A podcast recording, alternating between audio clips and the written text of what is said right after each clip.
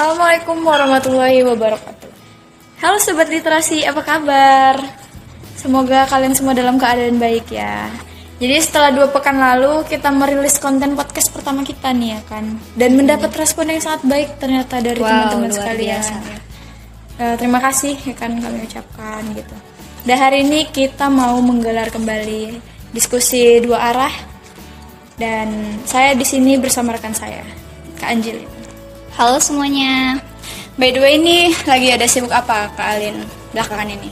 Hmm, sebenarnya gitu-gitu aja sih, nugas, organisasi dan kuliah. Karena kan aku ngambil semester atas kan. Jadi dari pagi sampai sore itu kuliah.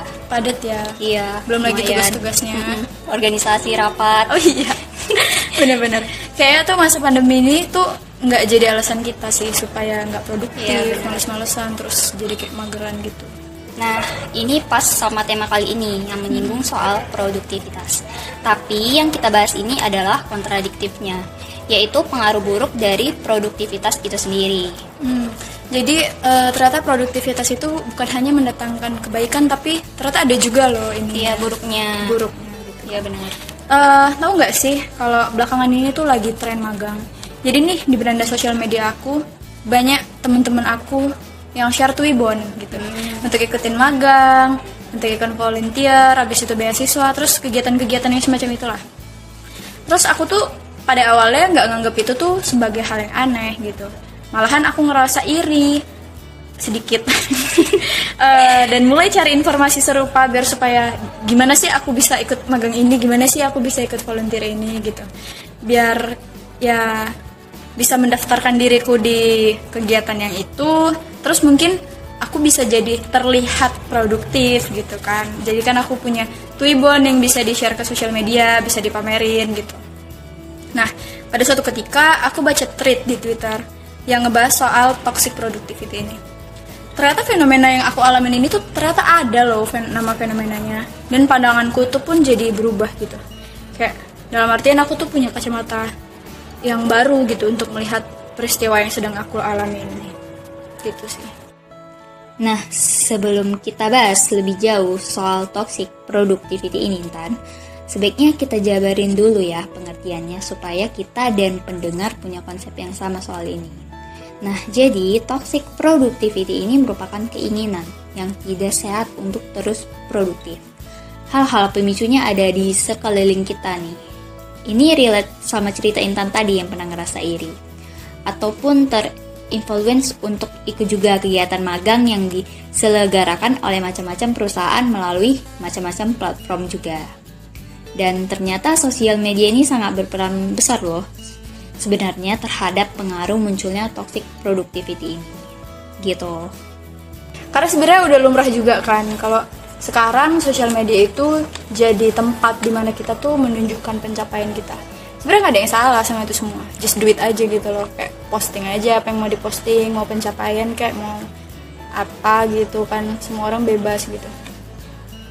Tapi em, impactnya adalah teman-teman kita yang ngelihat itu tuh jadi ngerasa pencapaiannya sendiri itu belum cukup, mulai mempertanyakan kualitas dirinya sendiri, kayak mulai membandingkan pencapaian mereka itu dengan orang lain, terus mereka juga jadi eh, seperti apa ya, berlomba-lomba aja gitu Nah, untuk iya. terlihat produktif gitu kan, Eh, punya sekudang kegiatan yang ternyata belum tentu loh itu jadi kayak apa ya keinginan dia sendiri gitu. Nah, iya cuma pengen terlihat produktif, bukan pengen produktif. Hmm, iya benar-benar. Nah, gini juga, memang kita dianjurkan untuk produktif supaya kita terus berkembang. Tapi ada kalanya, mereka yang punya mindset aku harus produktif. Ini jadi nggak mikirin lagi soal hal-hal kecil yang sebenarnya fatal juga kalau dilewatkan. Kayak jam tidur, jam makan, waktu istirahat dan lain-lain gitu. Iya. Jadi em, anak sekarang tuh ya, anak sekarang termasuk aku sih. Aku juga. Iya. Maksudnya kayak kalau misalnya kita ada kegiatan di luar gitu kan, kadang kita tuh Lupa. suka lupa makan, kayak Ah. nunda-nunda ah bentar lagi, bentar lagi masih ada waktu kok. Misalnya Iya, benar. nugas juga ah, bentar lagi, bentar lagi tidur kok gitu. Terus lama-lama jadi begadang gitu Iya, kan. disepelein. Iya, disepelein padahal hal kayak gitu sih yang penting. Karena apa namanya bisa memupuk penyakit gitu kan kalau Iya. kita dari remaja kayak gini. Betul.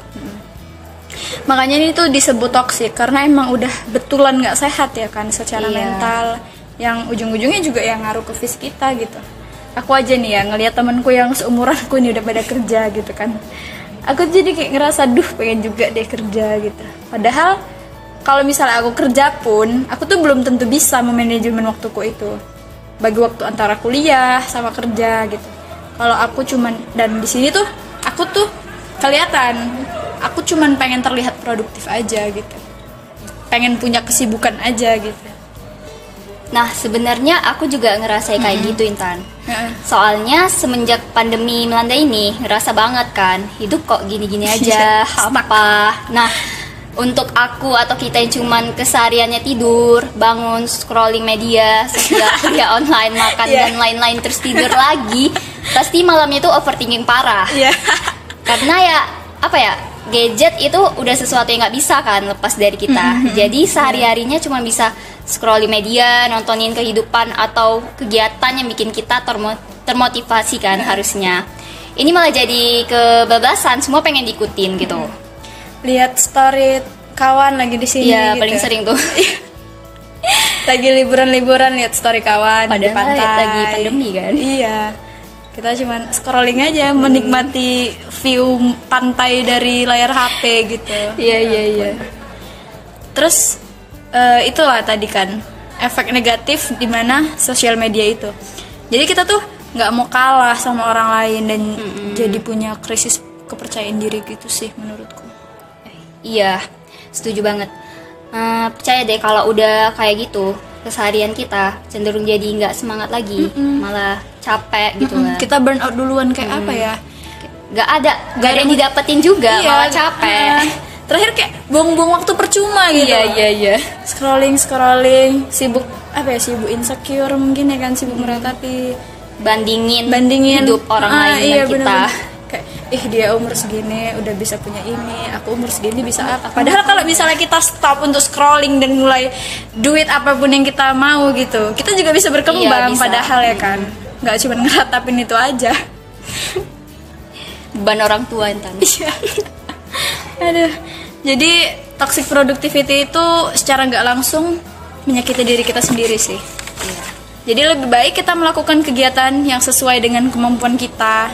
Terus kita lakuinnya itu semaksimal mungkin gitu kan. Jangan lebih batas juga.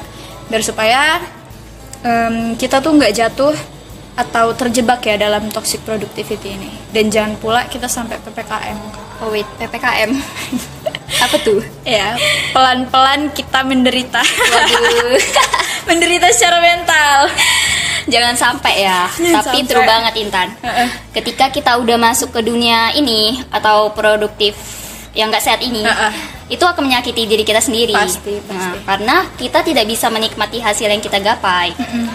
Nah, kita juga eh, tidak bisa melihat situasi keliling kita ter- karena terlalu fokus tadi kan. Dan nanti jatuhnya kita selalu ingin jadi yang perfeksionis gitu. Nah, itu nggak baik. Karena kalau udah toxic produktif ini terus ditambah lagi jadi orang yang perfeksionis tadi, sekalinya jatuh, kita jadi sulit banget terima kenyataan. Iya benar-benar. Jadi kayak semuanya tuh harus Iya. perfect, semuanya tuh harus pas sama keinginan kita. Nggak sama mau kalah, Gak mau kalah sama orang lain. Pokoknya kita harus ini. Pokoknya aku harus jadi nomor satu. Semua orang nggak boleh kayak aku. Serakah banget. Serakah ya. Jadi toxic productivity itu nggak sadar, secara nggak sadar ya bikin Iya. pikiran itu jadi nggak sehat. Misalnya nih, ada teman kita yang bisa lebih pencapaiannya dari kita sendiri. Terus kita jadi berpikir, ini musuh aku. Aku harus ngalahin segala cara untuk bisa ngalahin dia gitu loh. Maksudnya kayak, nah dari situ kan pikiran kita udah nggak sehat kayak yang aku bilang tadi gitu. Kayak kita mau jadi yang nomor satu gitu nggak sih? Kayak aku lo lebih produktif gitu. Aku lo yang lebih sibuk iya, iya. dibanding kau gitu. Ya agak serem juga ya dengarnya. Nah, secara tidak langsung Intan tadi sudah menjelaskan nih contoh dari toxic produktif yang pikirannya sudah tidak sehat. Nah, menurut Intan nih gimana nih cara kita biar terhindar dari yang namanya toxic produktif?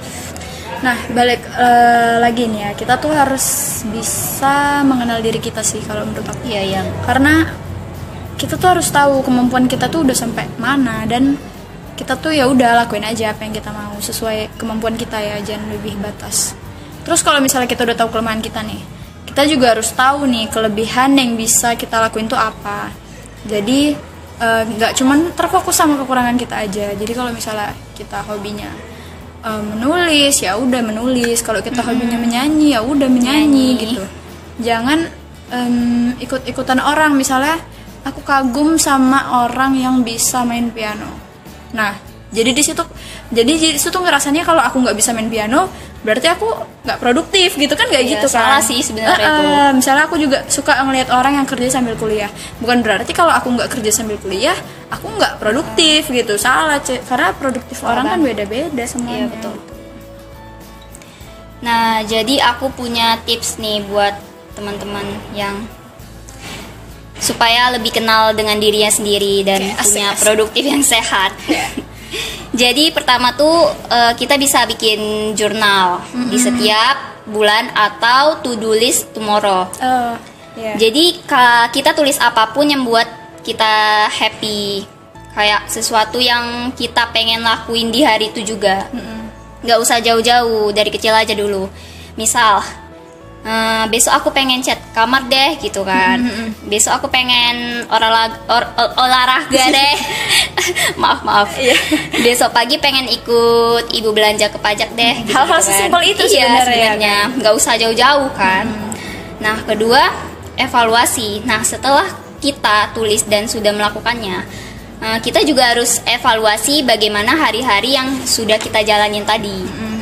Apa saja yang sudah kita lakuin ya di hari itu. Yang benar-benar kita lakuin bikin aku happy nggak ya gitu kan. Hari ini yang bikin kita sedih apa aja ya gitu. iya. Hari ini kita sudah bermanfaat belum gitu. Pokoknya evaluasi saja senyaman kalian ki- atau atau kita ya. Nah, setelah evaluasi, kita list lagi untuk hari esoknya. Begitu seterusnya.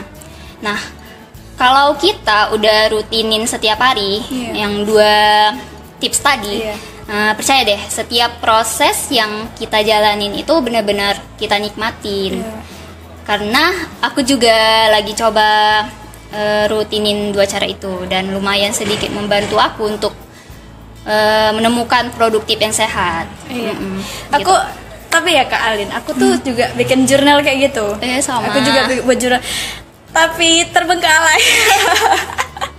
Kenapa? Bahkan sampai yang niat kali gitu nggak sih lihat-lihat dari Pinterest itu. Oh, iya, iya, ada, ada. Ya ampun aku buat Juli, Juli. Terus aku buat pakai apa ya lettering itu loh hand lettering itu. Iya, Abis iya, itu tahu, pakai aku buat aku gambar dreamcatcher, aku buat tanggalnya hari ini tuh listnya mau ngapain aja. Abis Iya. itu habit tracker, mood tracker, pasti tahu kan? Tahu, tahu, tahu. Mood tracker gitu. Dan itu paling bertahannya cuman setengah bulan. paling lama itu setengah bulan sih. Terus pas aku mau coba journaling lagi kayak ah mungkin aku harus ganti nih journalingnya jangan kayak Iya, gini deh mungkin. gitu. Sebenarnya enak Senyaman sih. kita aja Iya. sih sebenarnya. Sebenarnya enak kalau misalnya journaling itu apa ya ngelepasin beban gitu Iya, kan. kayak Seru aja liatnya. Kan Luangkan. cantik juga Iya. kan kalau misalnya kita bikin jurnal-jurnal gitu yang bisa bikin mood naik lah Jadi ngelatih kreativitas Hmm, kita juga. iya iya iya. Melatih kreativitas. Karena yang di jurnal itu kayak barang-barangnya apa yang ditempelin tuh sebebas-bebasnya kita tapi estetik gitu cantik gitu kan. Iya, betul. Nah, terus aku juga nulisin kayak mau workout tapi aku nggak pernah workout sampai sekarang. Aku juga lo lagi coba-coba itu. Cuman kayak liatnya gampang kan. Cuma pas dilakuin sumpah sakit semua badan coy besok pas bangun-bangun itu ih kaki semuanya ih nggak bisa bangun lagi deh pokoknya Kalau aku olahraga palingan cuma sepedaan aja sih. Itu juga paling kayak molor-molor gitu waktunya. Maksudnya, ah besok aku mau sepedaan ah. Tapi rupanya pas besokannya ke distract sama hal lain gitu. Jadinya juga entah kapan sepedaannya. Nah itu sebenarnya bisa kita evaluasi lagi sih sebenarnya. berarti Iya, kita nggak iya. cocok di situ Iya, iya evaluasi. Nggak semua orang cocok di situ, berarti kita harus Iya. coba cara lain. Bisa aja orang yang cocoknya itu kayak langsung aja gitu. Mm-mm. begitu dipikirin langsung dibuat gitu jangan mikir-mikir lagi maksudnya kayak hari ini aku mau pergi ke ini misalnya ke mana ya misalnya mau em, belajar gitu mau belajar untuk CPNS misalnya Hmm. Ketika kita mau ngelakuin itu kita jangan mikir-mikir lagi kayak ah nanti lulus nggak ya CPNS-nya lakuin aja sih. Iya, lakuin uh, aja. Gak usah mikir gak usah mikir-mikirin Gimana- gimana dulu. gitu kan. Nah jadi tipsnya tuh bagus sekali ya sebenarnya. Jadi kita tuh berasa curhat sama diri kita sendiri. Iya. Jadi eh, kita manusia tuh perlu space di mana kita tuh meluangkan segala pikiran dan kelelahan kita. Iya. Mungkin tips dari Kak Alin tuh bisa membantu juga untuk meluangkan pikiran dengan itu tadi ya. Maksudnya kayak gini loh. Kita tuh di sini bisa belajar untuk jujur sama diri kita sendiri. Iya iya. Kayak apa yang kita rasain. Kalau kita sedih ya udah sedih gitu. Jangan coba apa ya berusaha senang padahal kita lagi sedih gitu Iya, kayak lagi sedih. ya udah kita lagi khawatir kan. Heeh. Jadi kita lagi ya kita manusia. Semua emosi itu ada sama kita semuanya. Sedih seneng marah kecewa Pasti bahagia, ada sih. jijik. iya kan? Jadi nggak harus melulu semua yang kita tuliskan di buku itu tentang senang senangnya tentang indahnya hidup kita omg hidup kita juga kayak penuh liku-liku iya penuh liku-liku. Jadi kalau sedih ya udah sedih aja. Kalau marah ya marah gitu. Hmm, jadi jujur sama diri kita sendiri gitu Nah, don't worries juga karena orang lain udah di tahap itu atau mungkin dia sekarang sudah di atas kita saat ini. Dan kita kok masih gini-gini aja. Nah, eh, nanti di saat kita bera- beranjak dewasa, merasa good feeling dan pentingnya break saja itu sulit didapati. iya iya iya Jadi ya kita nikmatin aja, uh, enjoy your life gitu kan. Tidak usah terlalu terburu-buru atau berlomba-lomba nih dengan orang lain. iya Uh, make sure to do things that make you happy.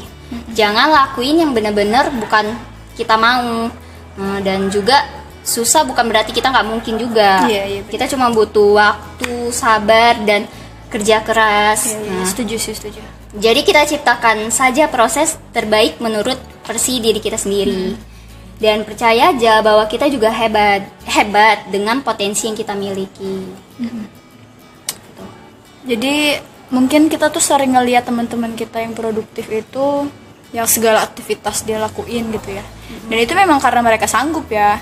Memang suatu keahlian atau kelebihannya dia tuh di situ karena dia bisa merangkap semuanya dengan baik dan bisa memanajemen waktunya dan itu sangat luar biasa sekali sih aku. Iya, Salut gila. Iya kan? Eh, dan kita tuh ya cukup jadikan motivasi aja tahu dorongan kita di saat lagi males-malesan kayak ingat aja sih kata-kata ini kayak misalnya di saat kita lagi males-malesan kawan-kawan kita di luar sana tuh terus berproses gitu tapi kan kalau misalnya sesuatu tapi memang sesuatu yang berlebihan itu nggak baik Betul. Nah, nggak semua hal yang orang lakuin itu harus kita lakuin juga. Mm, benar Potensi dan minat orang kan beda-beda. Jadi produktif itu nggak bisa diukur nih dari suatu dari satu kegiatan aja. Misal, eh, aku suka ngelihat orang kalau kerja sambil kuliah nih. Mm-mm. Nah, produktif versi kita belum tentu kerja sambil kuliah juga. Hmm, iya iya Misalnya Intan suka nulis kan, baca buku. Ya lakuin aja gitu kan. Just do it. Nah, ketika kegiatan itu mendatangkan manfaat, diselingi dengan rasa bahagia, kita saat ngelakuin laku, ngelakuinnya, kita udah berhasil gitu membuat diri kita produktif. Mm-mm. Memang penyakitnya itu sebenarnya ketika kita mau jadi kayak orang lain sih kan tanpa kita sadari. Kadang-kadang tuh orang-orang tuh juga apa ya kagum gitu sama bakat sama yang sama bakat kita. Diam-diam kan. eh, eh, bukannya GR atau gimana ya, pasti ada sih. Tapi maksudnya kayak ih dia hebat ya bisa ini dan kita pun juga ngomong gitu saat kita sendirian ih dia hebat ya bisa itu. Dan dia juga ih dia hebat ya bisa itu. Kalau misalnya kita bisa ngelihat kekurangan dan kelebihan kita masing-masing gitu tuh kayak ya udah gitu kan. Jadi em, ini sih yang penting. Kita harus kenal sama diri kita sendiri. Kita paham nih sama value diri kita sendiri. Jadi kita tuh nggak punya waktu untuk ngerasa kurang ngerasa jelek ngerasa nggak cukup. Jadi ketika kita paham sama nilai yang ada di dalam, dalam diri kita ini em, kita cuman fokus untuk kembangin diri bukan bermaksud bukannya eh, hmm, ulang ya bukannya bermaksud apatis juga sama kekurangan yang kita punya tapi kalau misalnya kekurangan kita itu kita sesali lama-lama nggak akan ada gunanya juga sih kan Terlalu ini apa namanya bersedih-sedih. bersedih-sedih bukan apa yang kita miliki gitu. Eh, eh, kalau misalnya kita nggak punya oh ya udah mungkin memang bukan jatah kita untuk punya Iya. itu gitu bukan waktunya kita untuk punya itu ya udah gitu Enjoy Sabar aja sih, sabar bener. aja karena semua orang juga punya ininya sendiri loh. Apa ya maksudnya? Eh, proses beda-beda. Iya proses orang beda-beda yang membentuk diri kita tuh juga beda-beda.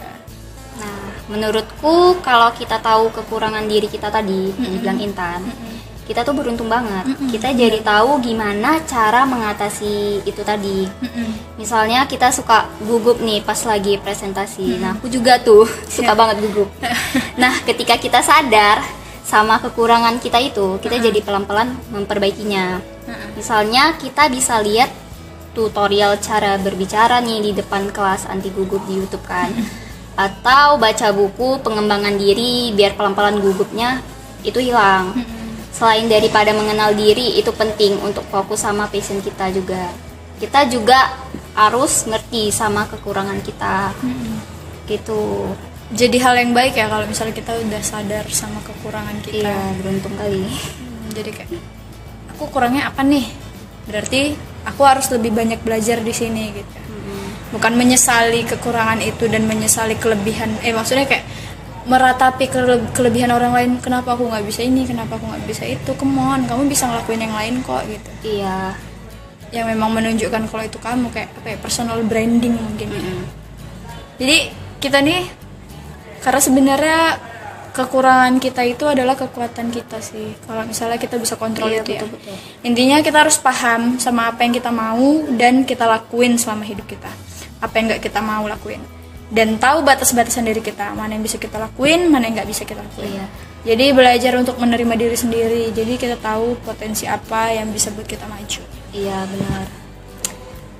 Lebih baik kita bandingin di diri kita di hari kemarin kan Iya. daripada bandingin diri Orang kita lain. dengan orang lain Mm, gitu. benar. Cuma- Jadi kita berkaca sama yang udah kita evaluasi itu tadi ya kan. Iya, Sebenarnya yang aku lakuin ini tuh bermanfaat nggak sih gitu. Iya gitu. Kita lihat dari hari kemarin. Kemarin aku ngapain aja ya? Misalnya cuman rebahan scrolling. Ada gunanya nggak gitu. Iya, Padahal kalau kita mau kita bisa ngelakuin yang lebih dari itu yang gitu. lain kan gitu daripada ngabis ngabisin waktu ya. Ngabisin waktu, ngabisin kuota, ngapain coba ya kan? Iya iya iya gitu. Jadi berusaha untuk produktif tanpa terlihat produktif, tapi juga em, apa ya? Jangan jangan jadikan toxic productivity ini sebagai alasan untuk bermalas-malasan juga. Iya betul betul. Ya kan jadi Itu sih poinnya. hmm, adanya toxic productivity ini bukan untuk mendukung kemalasan kita dengan dengan mengatakan aku nggak mau toxic productivity, aku udah nyaman sama kayak gini tuh nggak bisa kali ya kan. Bukan gitu caranya. bukan gitu kita tetap harus produktif tapi kita nggak boleh over Iya, nggak boleh berlebihan. nggak boleh berlebihan gitu